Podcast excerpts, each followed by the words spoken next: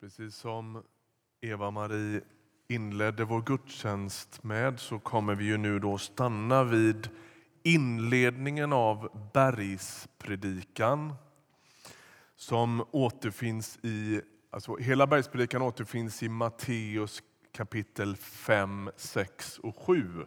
Och vi håller oss vid de första verserna där hela den här sommaren. Bergspredikan, påstår jag, handlar om kontraster.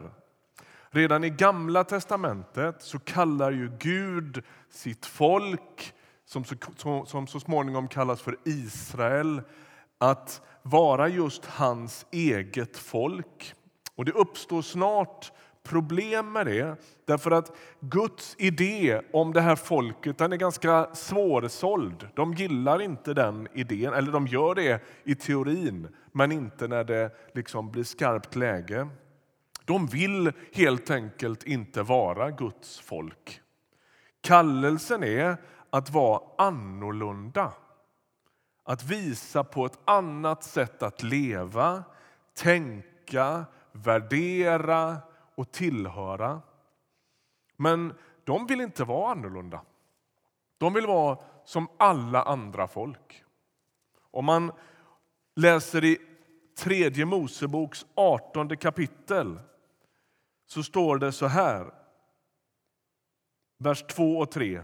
Säg till israeliterna, jag är Herren er Gud. Ni ska inte göra som man gör i Egypten där ni en gång bodde, inte heller som man gör i Kanan dit jag ska föra er.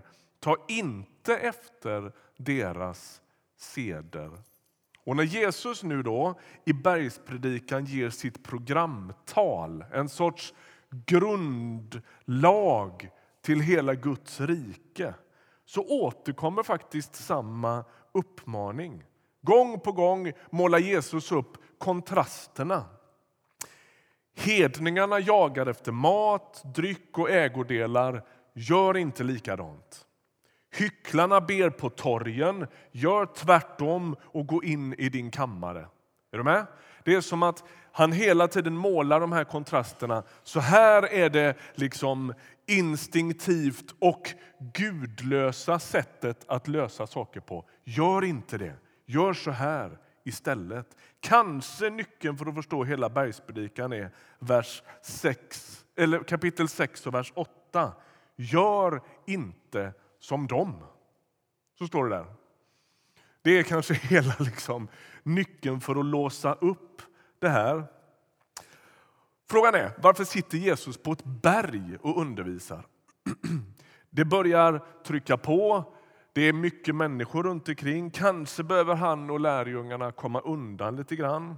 Men bibelkommentatorerna är också ganska överens om att det möjligen finns en annan orsak till att Jesus går upp på ett berg för att tala. I Gamla testamentet går Mose upp på berget för att ta emot lagen. Och här är det som att Jesus ger det nya förbundets lag. Inte lag i en sorts negativ mening. Vi är ju formade utifrån vår protestantiska tradition av att lag alltid är, är, är liksom förknippat med något dåligt. Men han ger koden, eller han ger levnads livshållningen i det nya riket, i det nya förbundet. Ehm, de här saligprisningarna som ju Ea läste inledningsvis här ska inte förstås som åtta olika personlighetstyper där somliga är ödmjuka och andra är fattiga i anden. Och så får vi liksom komplettera varandra lite så. Nej, det är snarare åtta karaktärsdrag som är typiska för en kristen människa. Det, har, det här har ingenting med elitism att göra eller med överkurs att göra. Att, ja, men okej, det är några som tar kristen tro till liksom någon sorts level 2.0 och så gör man lite allvar av tron. Utan det här är en sorts grundhållning. Vi får en bild tecknad för oss. Att följa Jesus det är att anträda vägen mot fred, ödmjukhet, längtan efter Gud och så vidare.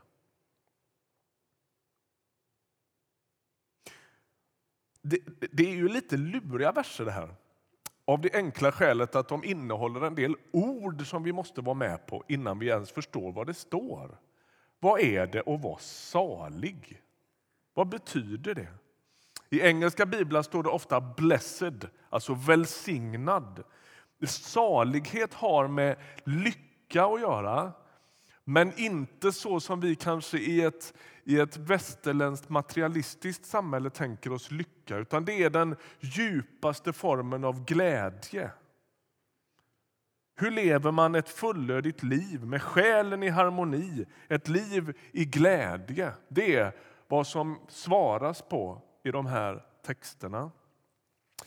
Ni ser här, här har jag listat upp alla de här som vi läste innan. Saligheten, välsignelsen eh, finns med där, men den ligger liksom i det som på, på, på skärmen här nu är rött.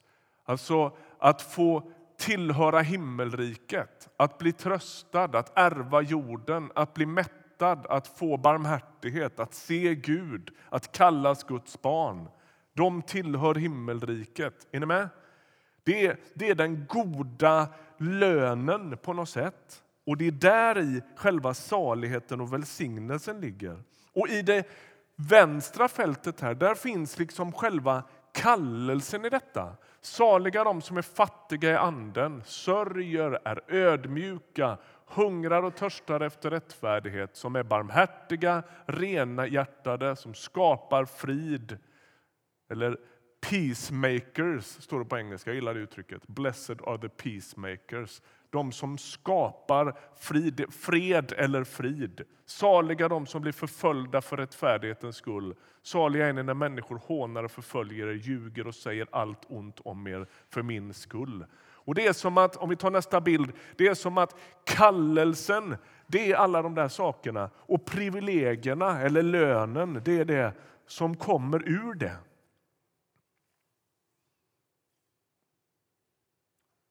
Att vara medborgare i Guds rike innebär en kallelse, men det innebär också privilegier. Nu, efter denna inledning, är det dags för dagens vers. Vi läser Matteus 5 och vers nummer 6. Saliga de som hungrar och törstar efter rättfärdigheten. De ska bli mätta mättade. Saliga de som hungrar och törstar efter rättfärdigheten. De ska bli mättade.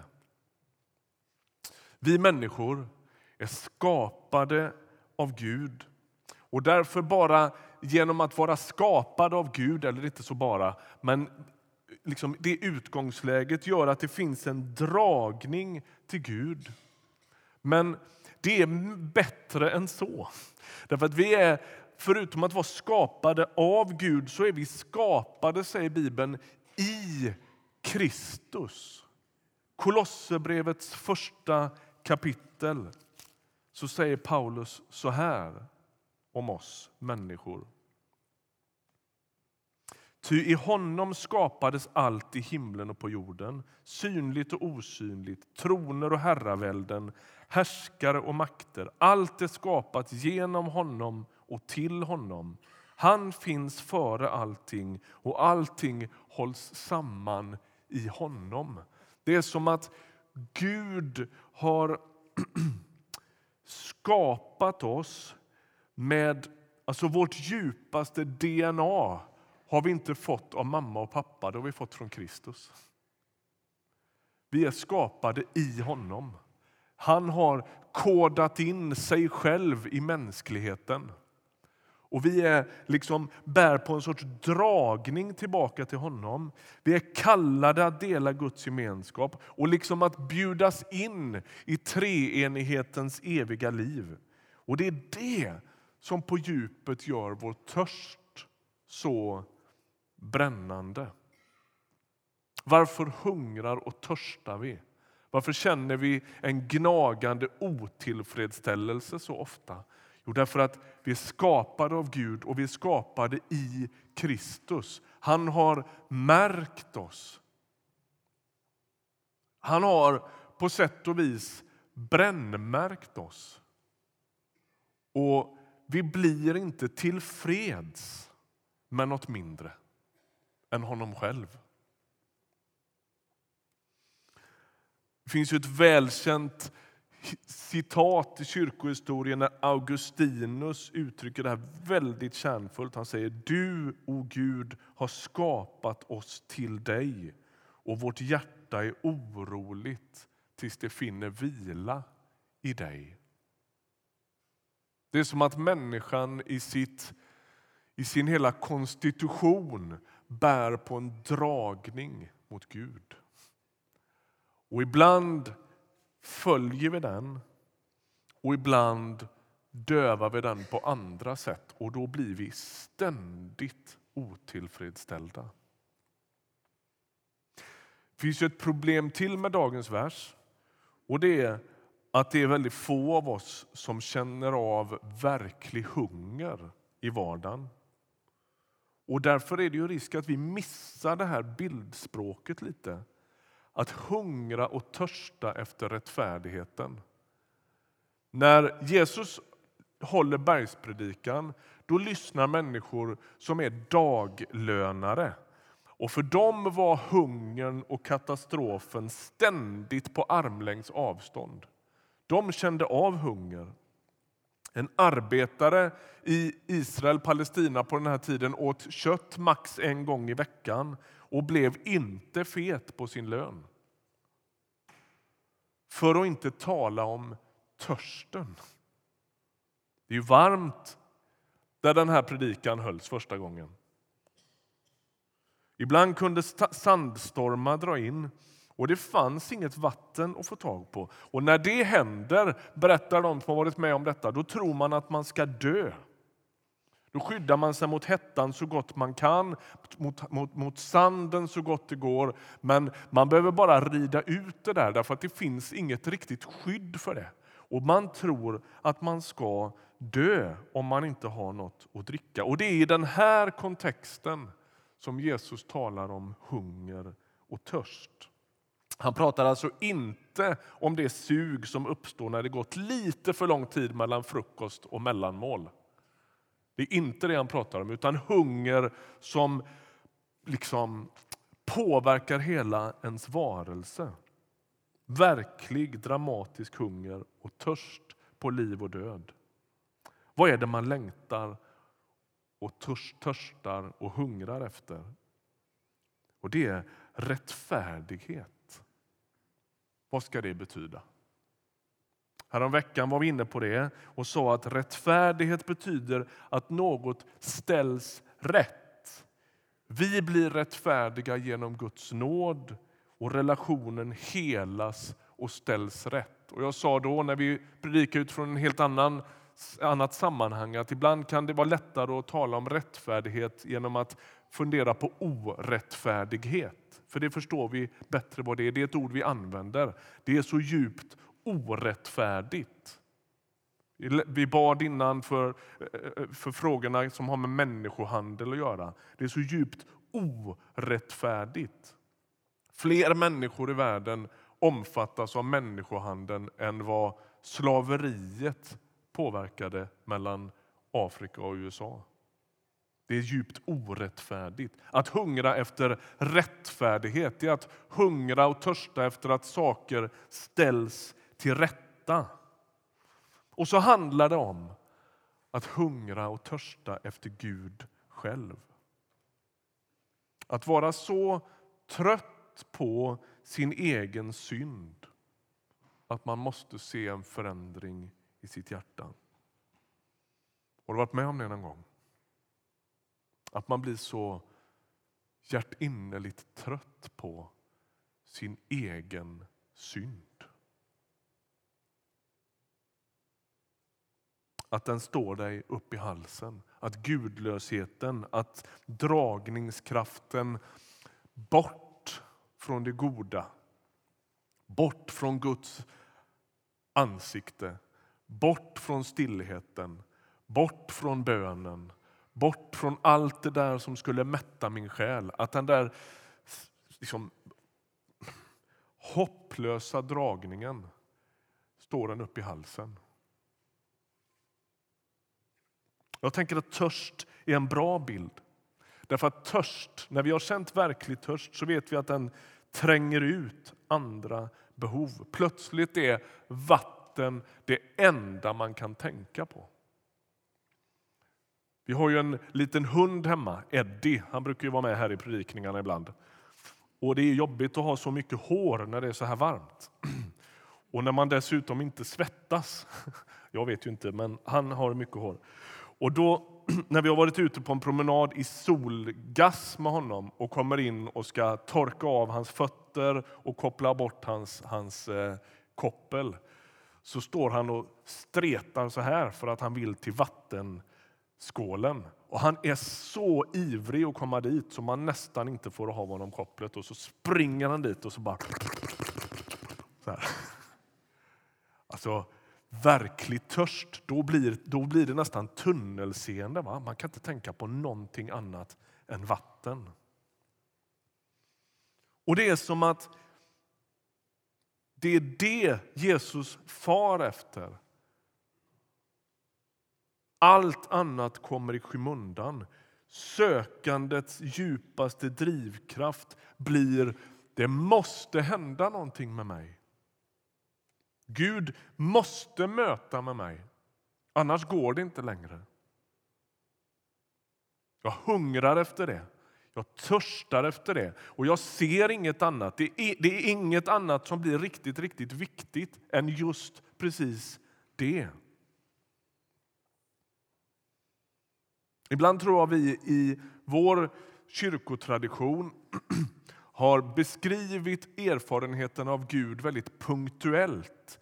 Vi är med om en händelse och så refererar vi till den som om Gud kommer med någon sorts engångsföreteelser in i våra liv.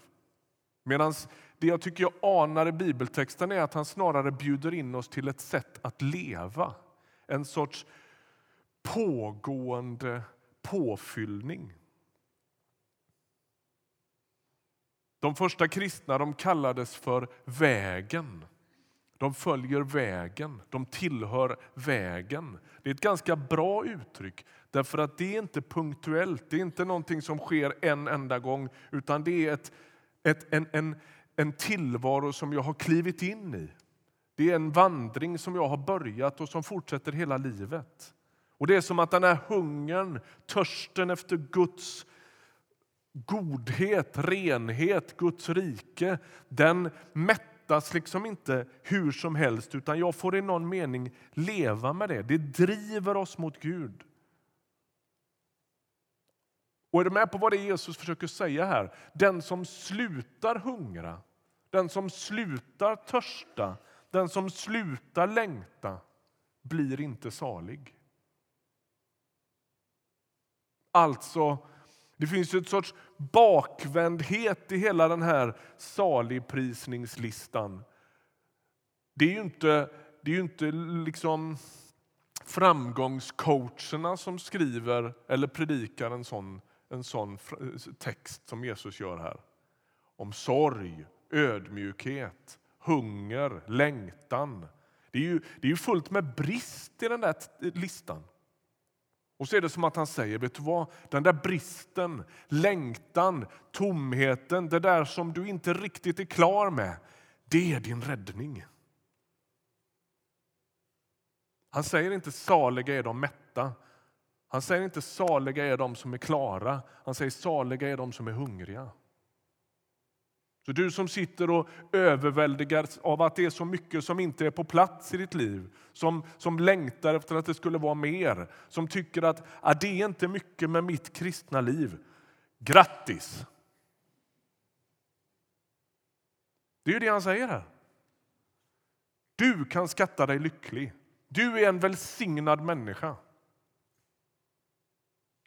Medan de klara, de mätta, de färdiga, de är illa ute. De är illa ute.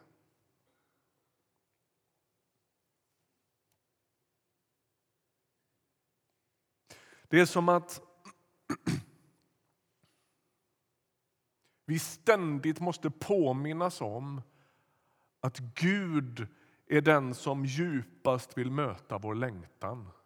Och att vi ständigt liksom det, det, det, känns som att det är djupt mänskligt. Det, hela Bibeln är genomsyrad av detta att människan ständigt dricker på fel ställe.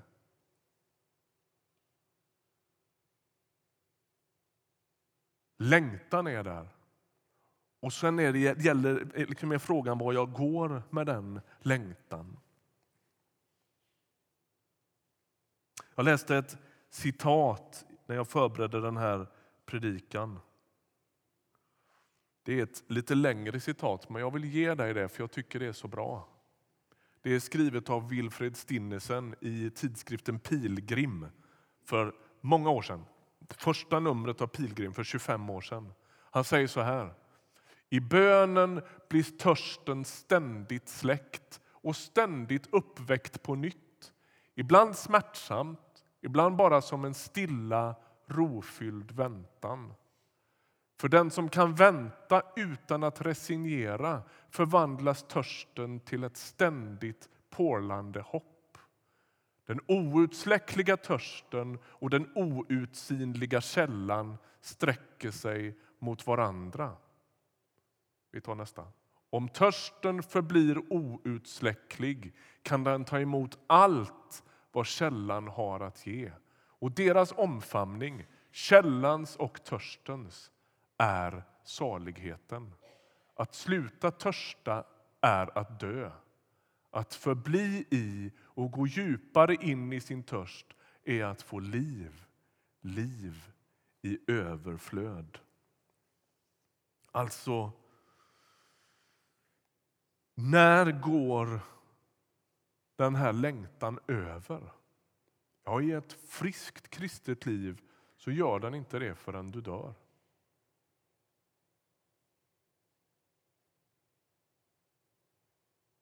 Ibland när jag möter människor, gamla människor som har levt i många årtionden i tro och bön och som fortfarande uttrycker en sån innerlig längtan efter Jesus så tänker jag, det är det där han är ute efter. Det är det där han menar med att hungra och törsta efter rättfärdigheten. Man blir inte klar med det. Kanske är sekulariseringens innersta kärna att inte längre längta efter Gud. Vi vänder oss bort. Vi nöjer oss med något mindre. Vi upphör att uppröras över vår egen synd över världens synd, över hela tillvarons bortvändhet. Jag tänker att en, en lite subtil, ett subtilt uttryck för sekulariseringen det är att vi innerst inne inte tror att Jesus räcker. I slutet på april åkte jag tillsammans med ett tjugotal präster och pastorer till eh, Monastero di Bose, ett kloster i norra Italien. Där lever människor, både kvinnor och män, både katoliker och protestanter i en ekumenisk kommunitet. Ett klosterliv tillsammans med böner flera gånger om dagen. Eh, de arbetar där, de lever där, ehm, arbetar med allt ifrån keramik till teologi beroende på vad man är lämpad för. Så. Ehm, och så har de lovat ett helt liv i celibat. Och så sitter det 18 präster och pastorer från Sverige och Norge och äter lunch med de här. Vi får träffa ett par stycken av dem till, på lunch. Och så hör jag hur vi ställer frågorna. Vi är präster och pastorer. Och det, det finns en sorts misstanke om att de går miste om något viktigt när de sitter där hela livet ägnat åt bön, tillbedjan och tjänst. Tycker ni inte att ni saknar något? säger vi pastorer. Underförstått, skulle inte ni vilja byta med oss och vårt rika liv? Och så tänker jag, det där är också ett uttryck för sekulariseringen. När inte ens prästerna och pastorerna tror att Jesus och bönen räcker.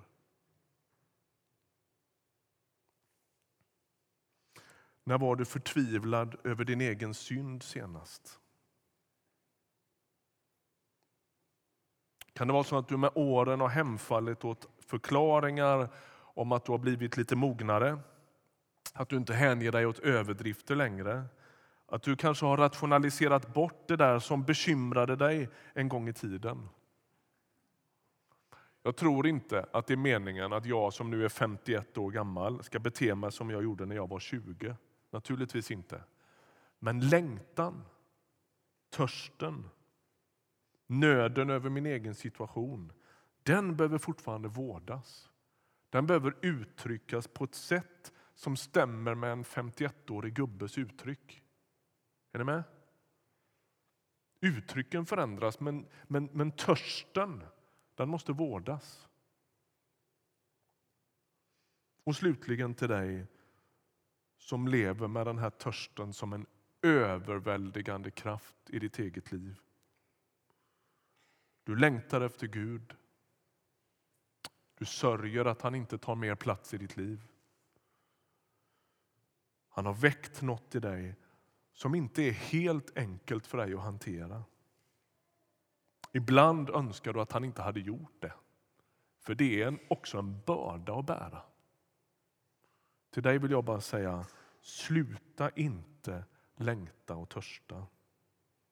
För att löftet i den här versen det är du ska bli mättad. Till viss del ska du bli det redan i det här livet. Sök honom. Drick. Längta. Be. Han vill mätta dig. Och en dag då ska han möta dig fullt ut. Fullt ut. Då talar Uppenbarelseboken om att när allt är ställt till rätta då ska vi få dricka livets vatten och äta från livets träd. Längtan ska vara över. Törsten och hungern ska släckas en gång för alla. Det är inte fel på dig som längtar. Det är din smala lycka att du gör det. Amen. Vi ber tillsammans. Herre, du är källan. Inget vatten är så rent och klart som ditt, som du.